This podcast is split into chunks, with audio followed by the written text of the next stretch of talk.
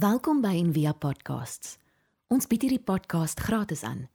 Om 'n bydrae te maak, besoek gerus ons webblad en via.org.za vir meer inligting. Ons gaan die volgende paar weke gesels oor 'n gebed en ons begin vandag met die Onse Vader. Dit is eintlik so lekker dat dit nou Vadersdag is vandag. Wat sê Jesus bedoel het as hy gedink het dat ons invalshoek, dat ons toetrede, dat die beginpunt is God die Vader vir baie van ons sal dit baie maklik wees. Ek dink aan Wilma. Sy aan by die grond waarop haar pa loop en ehm um, dit is so mooi om te sien. En die band tussen haar, dit sal vir baie maklik wees as God ons uitnooi as 'n vader om om te kan dink aan hom aan alles wat haar vader verteenwoordig in haar. Maar vir baie van ons is dit moeilik want ons het dit nie. En as eerder hierdie verlies 'n stukkie hartseer of verlange of van wat as. En dis moeilik. En ek dink hierdie komponent is verskriklik groot in ons land en in die wêreld. As jy 'n naam moet gee vir 'n pa 'n vader wat vir vaderskap vandag, ekskuus, wat wat sal wat sal jy dit noem? Een van die woorde wat by my opkom is afwesig. Dit bestaan nie. Dit is waar kry jy hulle? Wat het gebeur? En hierdie groot leemte en honger in afwesigheid word amper 'n gryp na 'n verstaan van vaderskap wat glad nie vaderskap is nie. En en ek dink dit werk so dat die goed wat ek haat in my pa en onthou ek kom uit hom uit so dan is dit ook aspekte van myself wat ek haat.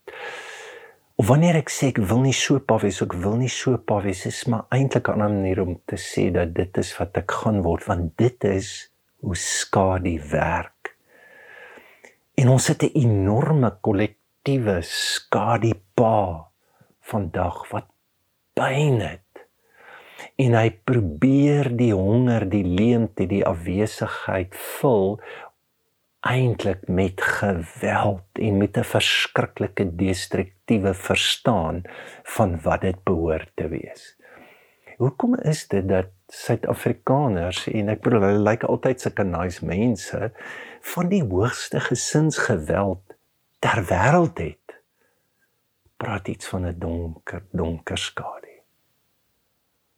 Die ander kant van die geweld is hierdie absolute noem dit ruggraasloosheid van ek is nie bereid om my werk te doen wat God my voorroep om na jou ware self te gaan om op te hou te identifiseer met my sukses met wat ek het en met wat ek doen ons kan dit nie los nie ons ons kweek ons veilig en druk ons in die watte van sekuriteit en van ewige jonkheid.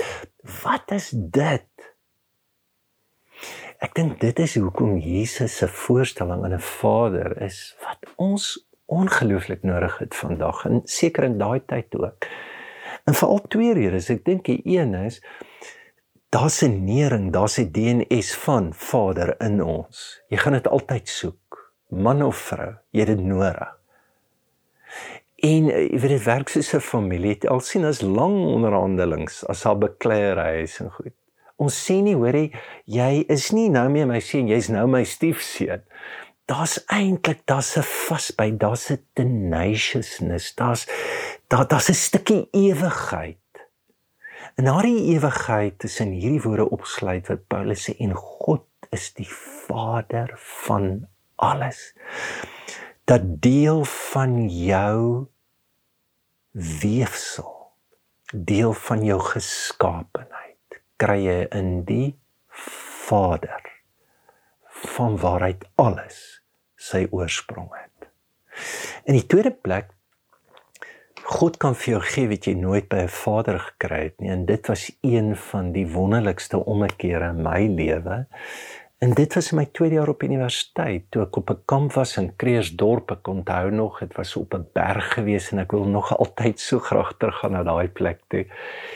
En een van die studente het gepraat het en hy die skrif gebruik in Psalm 58, ag 68 vers 5 wat sê nie God is die Vader van die weeskinders. He's the father of the fatherless. En as jy Jesus se woorde onthou, julle, as julle wat sleg is dan goeie goed gee, hoeveel te meer julle hemelse Vader dat daar 'n duidelike verstaan maar ook 'n uitnodiging in die Bybel is. Dat wat jy nodig het van God, dat jy dit by God self kan kry. En um, ek onthou vir 'n lang tyd in my lewe dink ek het ek 'n storie ontwikkel van wat van as ek 'n pa gehad het? Want my pappa was weg toe ek baie jonk was 2 jaar oud. In Engeland gebly. Ek het hom eers sien die eerste keer na 7 jaar en ek onthou hier aan die einde van my matriek toe kon ek SA Platteland cricket speel of ek kon hom gaan besoek maar kies hom toe. Maar die eintlike rede was eintlik want ek het nie 'n behoor ek het nie 'n kit gehad. Die kinders het met al hierdie duur bats gespeel en en ek was eintlik maar bietjie skaam. Ek het ook eintlik ons het maar eintlik baie min sakgeld ook gehad as ek nou op toers gegaan het en maar dan was die storie wat ek my vertel het, wat van as jy dit gehad het? Wat van as jy ook nog afrigting kry het? Wat van ek het ek het altyd geglo ek is dit maar ek kan baie meer wees omdat ek nie 'n paat nie. En ehm um, deur die genade, ek dink dis 'n storie wat van slagofferskap wat baie baie van wat baie paas van hulle self vertel, wat hulle kinders dan ook lewe. Maar dat God dit vir jou wil gee. En hier is 'n uitnodiging na gebed toe en ek dink wat Jesus die venster ooptrek van vaderskap en dit gaan oor wat ons glo waarin ons gaan as ons begin bid en na wie toe ons gaan. Wilma sal heeltemal anderster vir haar pa iets vra as wat ek dit vir my pa sou vra. En Jesus leer iets van dit. As ek byvoorbeeld in Londen is op die underground en ek verdwaal en ek vra hoorie waar is ek nou? Ek wil almal gaan jou wil help want dis amper dis so common humanity. En almal sien sommer 'n toerist op 'n afstand af en jy wil so graag help maar as ek vra hoorie waar is ek nou en iemand help? my maar ek vra die ou vir sy akte tas ook dan moet daar 'n ander basis wees van daardie verhouding dat jy dit kan vra. En ek dink dis wat Jesus probeer doen in hierdie gedeelte. As ek byvoorbeeld aan God dink hy's 'n huiseienaar en ek se huurder So hoe werk hierdie verhouding met 'n kontrak? Dis meganies. En as ek ek weet nie die kontrak gehoorsaam dan sê Here baie nice met my of die eienaar. En die eienaar en die huurder moet ook net nie te familier raak nie want ons weet hoe werk daai dingetjie uit. so maar wat van as dit God glad nie huiseienaar eers is nie. Maar dat dit 'n familie is dat jy dat jy bly eintlik saam en dat jy eintlik niks hoef te doen nie. Maar die feit oor wie jy is, familie laat jou eintlik doen of presteer. Ek, ek hoe sal dit wees en ek het geen twyfel dis die venster wat hy oopbreek. Nou hier sy woorde vers 6 en 7 of 7 en 8 ehm um, dan sê hy vir hulle ehm um, dis eintlik dis asof hy vra maar hoorie hoekom wil julle God iets vra en wat is die rede dat jy dink God na jou luister? Dan wys Jesus daar's twee maniere of maniere van vra in vers 7 en 8 sê moet dan nie soos hulle maak nie want julle Vader weet wat julle nodig het nog voordat julle dit van hom vra dit is ongelooflik. Moenie soos hulle maak nie. Nou hoe maak hulle twee goed. In die eerste plek sê Jesus die die nuwe vertaling sê moenie 'n stortvloed van woorde gebruik nie. Eile herhaling. Die Engels sê babble, dit beteken wyn. So koud, steriel, gebruik maar net die woorde. Ehm um, ons almal ken dit. Ons ons voel mos woorde as daar regtig nabyheid, intimiteit en as dit gewig is en as dit mooi gekies het, dit raak jou. So in in die geboorte van hierdie raak en voel is in die woorde ons Vader. Nie my persoonlike Vader, soos wat ons Jesus gemaak het wat volgens ons verstaan van saligheid my persoonlike saligmaker is want hy ek word gered op my voorwaarde. Dit is as ons nie kan bid met of saam met die wêreld nie. As ons as dit nie hoe ons as ons nie as familie, as ons nie so na God toe kan gaan nie, dan gaan my individuele gebed niks beteken nie. Of jou individuele gebed gaan verskriklik selfsugtig wees. En dis al wat Jesus ontbloot.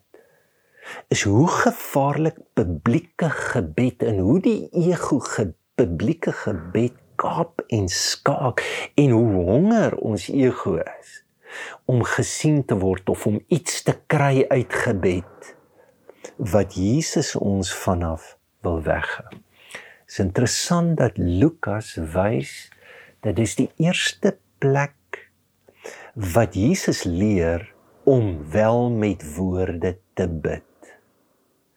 En dit is die eerste plek dis duidelik dat sy disippels dit nog nie by hom gehoor het nie. Hulle sal gebed met woorde ken want dit is bekend in die Joodse tradisie, maar dit nie by Jesus hoor en nou hoor hulle dit. En dit maak sin. Dan verstaan jy hoekom hy vroeg in die oggend op 'n een eensame plek. Sy hele lewe bestaan uit dit. Lukas wys jou dat elke groot besluit besluit hy omdat hy gebid het. Dat hy werk, hy doen vanuit 'n 40 dae afsondering. Wat los hy? Los die Sabbatsvieringe, hy los die tempeldienste, hy los publieke gebede. Want hy ken die plek waar woorde behoort te gebore word. En dit bring my by die tweede ding.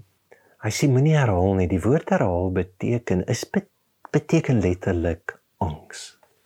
En hier staan die groot onderskeid. As Jesus sê moenie soos die heidene bid in die Engels sê pagan of hypocrites, kry mens gevoel is is slegte mense. Dis nie dit nie. Die Afrikaans vertaling, die nuwe een is beter skynheilig. Dis eintlik mense wat verskriklik baie bid. Maar wat Jesus, die punt wat Jesus wil maak is nie baie jy bid nie. Is nie wat jy bid nie. Dit is wat is die motivering van daardie gebed? En as dit angs is, want dan is die afwesigheid van iemand wat van vir jou sorg wat na jou gaan kyk wat regtig 'n pa wat daar is wat sal intree, wat sal luister. Dis dis eintlik die dieper ding wat wat weg is.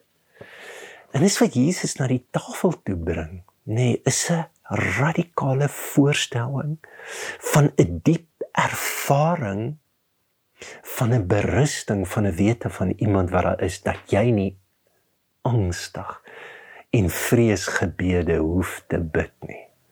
En dis in sy woorde, as julle wat sleg is aan goeie goed aan julle kinders doen, hoeveel te meer julle Vader Dit is hierdie gebed. Hy sê Vader van die vaderlose dat dat God intree in dit en nou kom Jesus en hy sê ons Vader en die woord Vader in Aramees is Papi. En hier is Jesus se finale breek met Judaïsme. Hy kon wegkom met politieke uitlatings, hy kon wegkom met uitlatings oor sosiale strukture. Maar Jode sou glo hierdie is godslasterlik. Jy kan nie so naby kom nie. Jy jy soek eintlik 'n God eerder wat jy kan beheer, wat jy kan voorskryf of waarin jy goed genoeg is om te kwalifiseer iets daar. Dis eerder die wette wat jy doen. As die ervaring van hierdie intense nabyheid. Hierdie gebed is so radikaal dat uit sy lewe en uit sy self verstaan noem hy hom die seun van God. En dit is die woorde wat hom ook kruis toe neem En ook die vraag wat die heeltyd vir hom gevra word, maar maar is jy is jy die seun van God Jakus? En jy ook. Jy seun en jy's dogter is vanuit hierdie diep ervaring van wat dit beteken van kunskap waaruit ons kan bid. Nou wat sê ek vandag vir jou? Moet jy nou net minder woorde gebruik? Nee, jy gaan nie. Ehm um, gaan eintlik om die regte woorde te gebruik. Nou 'n plek waar jy dit kry. Gaan dit om net nie bang te wees nie. Nee, jy as ek vir jou sê jy moet minder angs hê, gaan jou nie help nie, maar daar is 'n plek wat God jou angs kan ontmoet. En dit is in gebed. En Jesus stel dit so, hy sê gaan nou. Hy stel die probleem en dan sê hy gaan nou in jou binnekamer en maak toe die deur. Nou onthou daar was nie binnekamers nie. Die gehoor waarmee hy praat, 60% het nie eens huise nie. So dis wysheidsliteratuur wat hy gebruik wat baie keer jou binnekamer is jou innerlike wêreld beskryf het. En die toemaak is die stilte, dis die afsny van die stemme. Gebed is nie reg om woorde te gebruik, maar dit is om die regte woorde by God te kry om te kan bid. Daar's 'n plek van waarheid ons bid. En dan is dit die plek ook wat ons die gawe van vaderskap ontvang in ons lewe.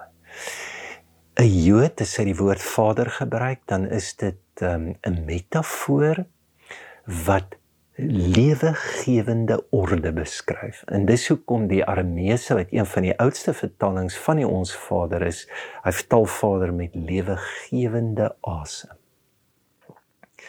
Dis om terug te keer na jou asem, na jou lewe, na jou geskaapenheid waarvan die Vader die gewer is van alles. Dis bo woorde dis bo verstaan maar dis die geboorteplek van gebed in ons lewe Ons hoop van harte jy het hierdie podcast geniet of raadsaam gevind. Besoek gerus en via.ok.za vir meer inligting.